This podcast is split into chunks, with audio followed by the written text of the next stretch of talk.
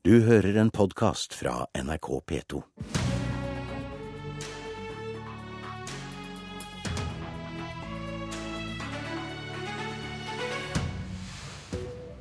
Trass påstander om utpressing, korrupsjon og innblanding.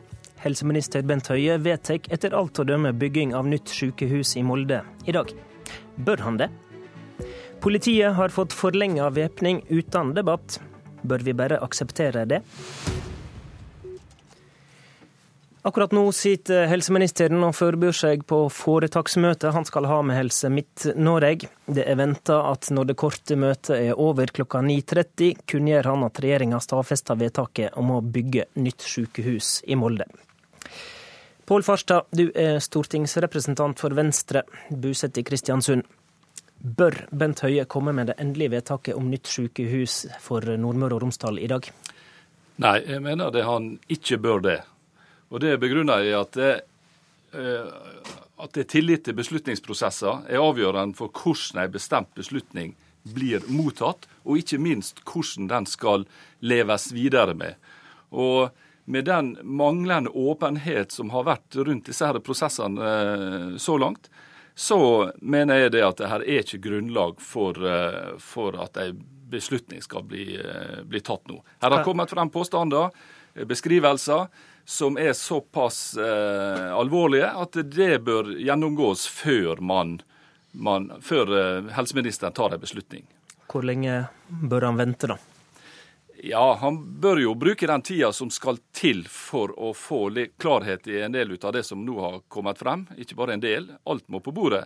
Eh, og Da vil jeg si det at eh, om man utsetter dette her en to-tre måneder, så bør det være til å leve med i den prosessen som har gått. Petter Bjørdal, du er med oss på telefon. Du er lokalpolitiker på Sunnmøre for Arbeiderpartiet og er nestleder i Helse Møre og Romsdal. Bør vedtaket komme fra Bent Høie i dag? Ja, jeg håper at Bent Høie gjør et klart og godt vedtak i dag. Det håper jeg virkelig. Hvorfor? Eh, fordi at eh, den prosessen som var framover inntil siste veka før vi skulle ta en avgjørelse, det var en veldig god prosess. Vi fikk et, på selve møtet så fikk vi et veldig godt uh, grunnlag til, uh, i denne idéfaserapporten som administrasjonen hadde laga til oss. Det var veldig godt kvalitetssikra gjennom uh, to uavhengige konsulentfirmaer, Holte Consulting og Ernst Young. og jeg syns vi skal gjøre Astrid, avgått direktør Astrid Eidsvik følge den oppfordringa hennes om å gjøre et vedtak. Hun ba oss om å gjøre et vedtak, og jeg håper at Høie, høye stadfester det i dag. Men det var samtidig grove påstander som kom fram i styremøtet deres i forgårs. Er det ikke sunnest for den demokratiske prosessen å få dette undersøkt før den endelige avgjørelsen kommer? Jeg tror nok det at det hadde vært støy omkring dette vedtaket nesten uansett hva slags prosess som hadde vært også i sluttfasen. Eh, nå, kanskje noe mer ekstra ble det, men likevel, eh, det grunnlaget som vi hadde var, var, godt nok. Vi skulle gjøre et skjønn, og det var den skjønnsmessige vurderinga til administrasjoner som, som, ikke var ferdig. og Det er det jo vanligvis styres i oppgave å, å, gjøre. og Det har vi gjort, og det har Helse Midt-Norge gjort. og Det håper jeg også som sagt Høie gjør i dag. Men mener du at så grove skuldinger som de vi har hørt, ville kommet uansett? Ja, jeg mener det. Og, og disse, jeg føler det at disse skuldingene um, i veldig stor grad er av politisk karakter, og det får Stortingets kontroll- og konstitusjonskomité rydde opp i i etterkant. Pål Farstad? Ja, altså, Jeg syns jo nettopp det som kom frem da ved starten av møtet i Helse Møre og Romsdal, viser til, til fulle at her er det så mye som er uklart, til dels grums som ikke ble tilstrekkelig avklart, at det i seg sjøl, i tillegg til en del av de andre tingene som kom frem i prosessen, tilsier det at dette burde man gå nærmere inn i.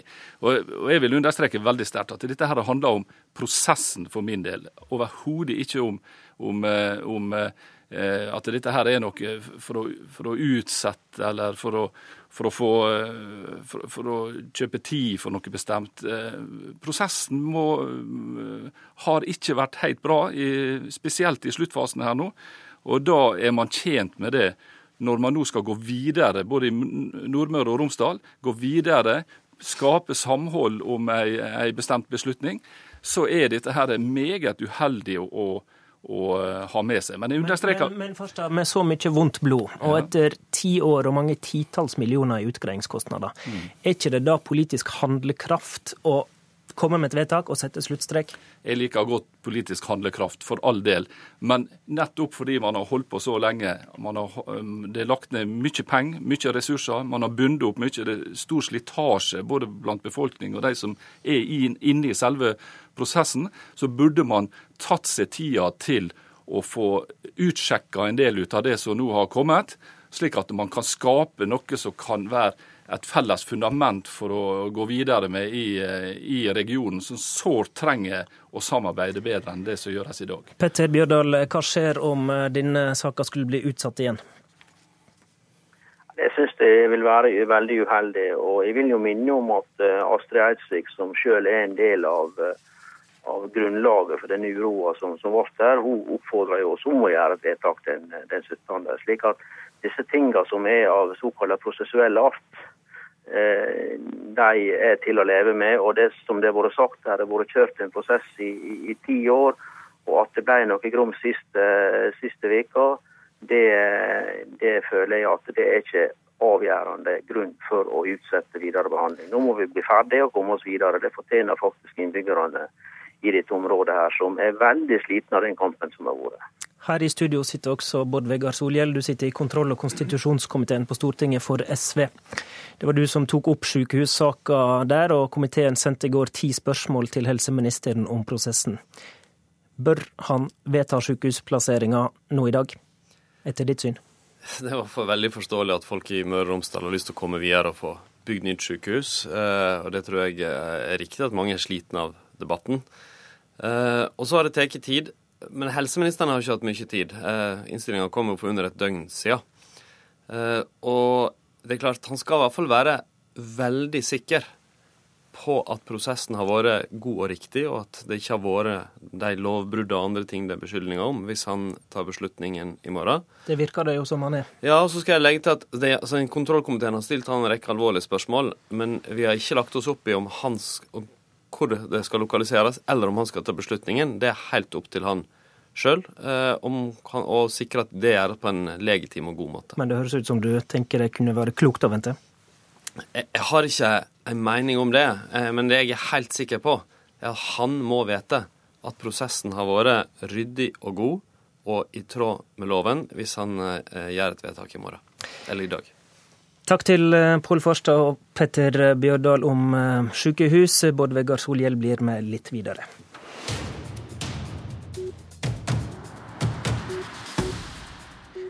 For du sitter her eh, primært for en annen debatt. Onsdag kveld ble det kjent at Justisdepartementet forlenga væpninga av norsk politi. Den væpninga mener du ikke er helt eh, akseptabel at dette skjer eh, uten debatt. Hvorfor ikke? Du, Jeg er sterkt tvilende til selve tiltaket om en bevæpning av politiet i Norge er et godt svar på en diffus, generell, global trussel fra IS i Midtøsten. Men ikke minst så syns jeg justisministeren eh, virker som han forsøker å gjemme seg unna spørsmålet, istedenfor å løfte det opp, det som tross alt er en ganske viktig beslutning. Eh, Stortinget har ikke fått seg forelagt en sak. Eh, han har ikke bedt om å få redegjøre eller komme til Stortinget. Det har ikke vært møte i den såkalte utvida utenrikskomiteen i denne runden her. Og vedtaket ble sendt ut en eh, sen kveld uten noe mer rundt det. Og jeg syns justisministeren burde be om å få komme til Stortinget, forankre beslutningen, og ikke minst forklare den, legge fram et faglig grunnlag som gjør at han kan forsikre seg om at det har en brei støtte. NRK har invitert Justisdepartementet til tre radiodebatter om dette siste døgnet. De har takka nei til alle. Eh, da er det fint at du er klar for debatt i studio i Bergen. Peter Frølich, god morgen. God morgen, god morgen. Du representerer Høyre i justiskomiteen. Hva sier du til Solhjell sine innvendinger? Jeg ser jo først og fremst dette som et uh, retorisk uh, grep. Altså Her forsøker man å skape et inntrykk av at uh, man snikinnfører generell politibevæpning. Og det er selvfølgelig ikke sant. Det er ingen som har snikinnført eh, generell bevæpning. Det er heller ingen som vil gjøre det. Og det er faktisk heller ingen som kan gjøre det. Altså Bare, bare antydningen i seg selv er jo nesten en hån mot systemet. Det ville jo både vært konstitusjonelt umulig og politisk umulig. Eh, og ingen regjering ville kunne sluppet unna med det. Og det, det vet selvfølgelig SV også. Det regjeringen har gjort, er å gi en midlertidig tillatelse. Nettopp fordi at politiet og Politidirektoratet selv har bedt om eh, en sånn bevæpning for å kunne beskytte seg mot et terrorangrep som PST mener er sannsynlig. Det er gjort åpent, det er gjort lovlig, det er gjort med en faglig forankring, og ikke minst så er det midlertidig. Men eh, Frølik, jeg tror ikke du kan ha hørt så veldig nøye etter når jeg snakka, for jeg sa ingenting om snikinnføring. Jeg mistenker ikke justisministeren for med intensjon å prøve å få til en varig bevæpning. Men du er redd for jeg, at det kan være konsekvensen? ja, jeg, jeg kritiserer han for tre ting. Punkt én, at det er veldig vanskelig å se at det at politiet i Naustdal og på Senja og alle plasser i Norge bærer våpen, er en godt møte med en diffus global trussel som er retta mot veldig mange, inkludert politikere. Punkt to. Eh, det er ganske sannsynlig at den økte terror- eller beredskapen kan, eh, eh, og sikkerhetsvurderinga kan stå seg over lang tid. Altså I Danmark så har de hatt høyere sikkerhetsnivå siden karikaturstriden. Skal vi da, og Det vi kan risikere, er at vi sklir mot en situasjon der det blir en lang midlertidighet. Og Det er ikke noe jeg mistenker for å være en intensjon, men at vi må da diskutere det og få en bredere debatt om det, er ikke jeg i tvil om. Og Det, tre, og det tredje jeg er kritisk til, er at justisministeren ikke aktivt har bedt om eh, en runde i Stortinget og få lagt fram sitt syn, sånn at òg partiene kunne få gitt uttrykk for hva vi mener, og hørt begrunnelsen bedre. Dette med trusselnivået, Frølik, det er vel mye som tyder på at det trusselnivået vi har nå, ikke vil gå ned på en god stund. Og da skal vi bare forlenge og forlenge uten at vi faktisk drøfter det, da? Det Politidirektoratet har sagt, er jo at eh, de trenger dette foreløpig, eh, inntil man får andre risikoreduserende tiltak på plass. Det kan være nye rutiner for patruljer, eller det kan være en bedre oversikt over hvordan trusselsituasjonen faktisk er. Og Da syns jeg man skal være ganske for å si sånn, da skal man ha ganske god selvtillit hvis man sitter i opposisjon på Stortinget og mener at man har en større politifaglig innsikt i de vurderingene. Det må jo få lov til å minne om at politidirektøren er jo personlig en motstander av permanent bevæpning. Eh, men han ber altså om dette midlertidig, eh, fordi at vi er i en tidlig fase av den nye trusselsituasjonen. Eh, så går det også an å minne om at justisministeren har faktisk vært på talerstolen i Stortinget og sagt rett ut, gang på gang på gang, at dette ikke er en permanent løsning. Men, men jeg er godt kjent med politidirektørens syn. Og hvis det var sånn at justisministeren hadde selvtillit, så burde han jo kommet til Stortinget og aktivt bedt om å få legge fram de faglige argumentene. Jeg har veldig stor respekt for faglige argumenter, og ikke minst i en sak som det her, så vil jeg legge avgjørende vekt på Politidirektoratet sin anbefaling. Men jeg syns da det er merkelig at man ikke har en mer mer offensivt inviterer til en åpen debatt, f.eks. ber om å få redegjøre, legge grundig fram hvorfor det kan være riktig midlertidig, og ikke minst hvordan man vil hindre at vi sklir inn i en det vi kan kalle en varig midlertidighet. Og Det er det min kritikk eh, går ut på. Og, og jeg syns at dere har svart altfor dårlig på, på, hvorfor ikke dere ønsker en bredere debatt om det. Frølik. Det er, noen, eh, det er, ikke noen, grunn til å tvile på at vi tar en debatt i Stortinget eh, når som helst om dette. Eh, bare det at vi sitter og har debatten nå, syns jeg er et um, tegn på at uh, man ikke uh, viker unna for å diskutere disse spørsmålene. Men for det første så vet Bård Vegar Solhjell like godt som meg at dette er et sensitivt spørsmål som må diskuteres på en måte som, som er passende. På den andre siden også så er det jo presisert at trusselbildet fortsatt er generelt, men at uniformert personell som politi og soldater er særlig men, utsatt, og da er dette føre var Ikke minst når et spørsmål er sensitivt, så er det veldig viktig å diskutere det, det alvorlig. Det var det vi rakk i dag.